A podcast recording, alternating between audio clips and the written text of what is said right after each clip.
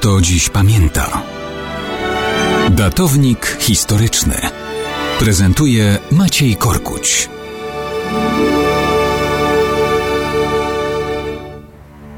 Mało kto dziś pamiętał rocznicy 14 czerwca 1940 roku. Dnia tego rozpoczął funkcjonowanie nowy niemiecki obóz koncentracyjny, tym razem stworzony na zagarniętych ziemiach Polski. KL Auschwitz. To wtedy przybyła pierwsza grupa więźniów, transport Polaków z więzienia w Tarnowie. Kiedy w 1939 roku Niemcy zajmowali nasz kraj, jeszcze w umysłach ludzkich błąkał się pogląd, że Niemcy to przecież kulturalny naród.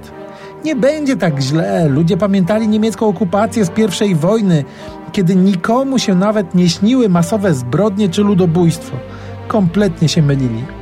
Miasto Oświęcim wybrał osobiście Heinrich Himmler, uznając, że zarówno budynki po polskich koszarach, jak też dobre połączenia komunikacyjne ze Śląskiem i generalnym gubernatorstwem oraz resztą Rzeszy zapewnią odpowiednie możliwości funkcjonowania fabryki zbrodni. Zaczęto adaptację terenu. Do przymusowych prac wykorzystali Niemcy miejscowych Żydów. Następnie z KL Sachsenhausen sprowadzili Niemców kryminalistów, którzy mieli tworzyć więźniarską kastę funkcyjnych oprawców. Większość z nich spełniło oczekiwania, zapisali się jako okrutni sadyści.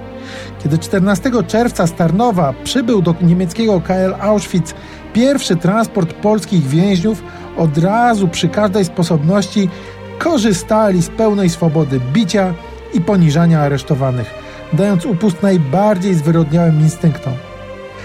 KL Auschwitz już od pierwszego dnia był kolejnym dowodem, że zamiast rojeń o kulturalnym narodzie nastał czas brutalnego germańskiego totalitaryzmu.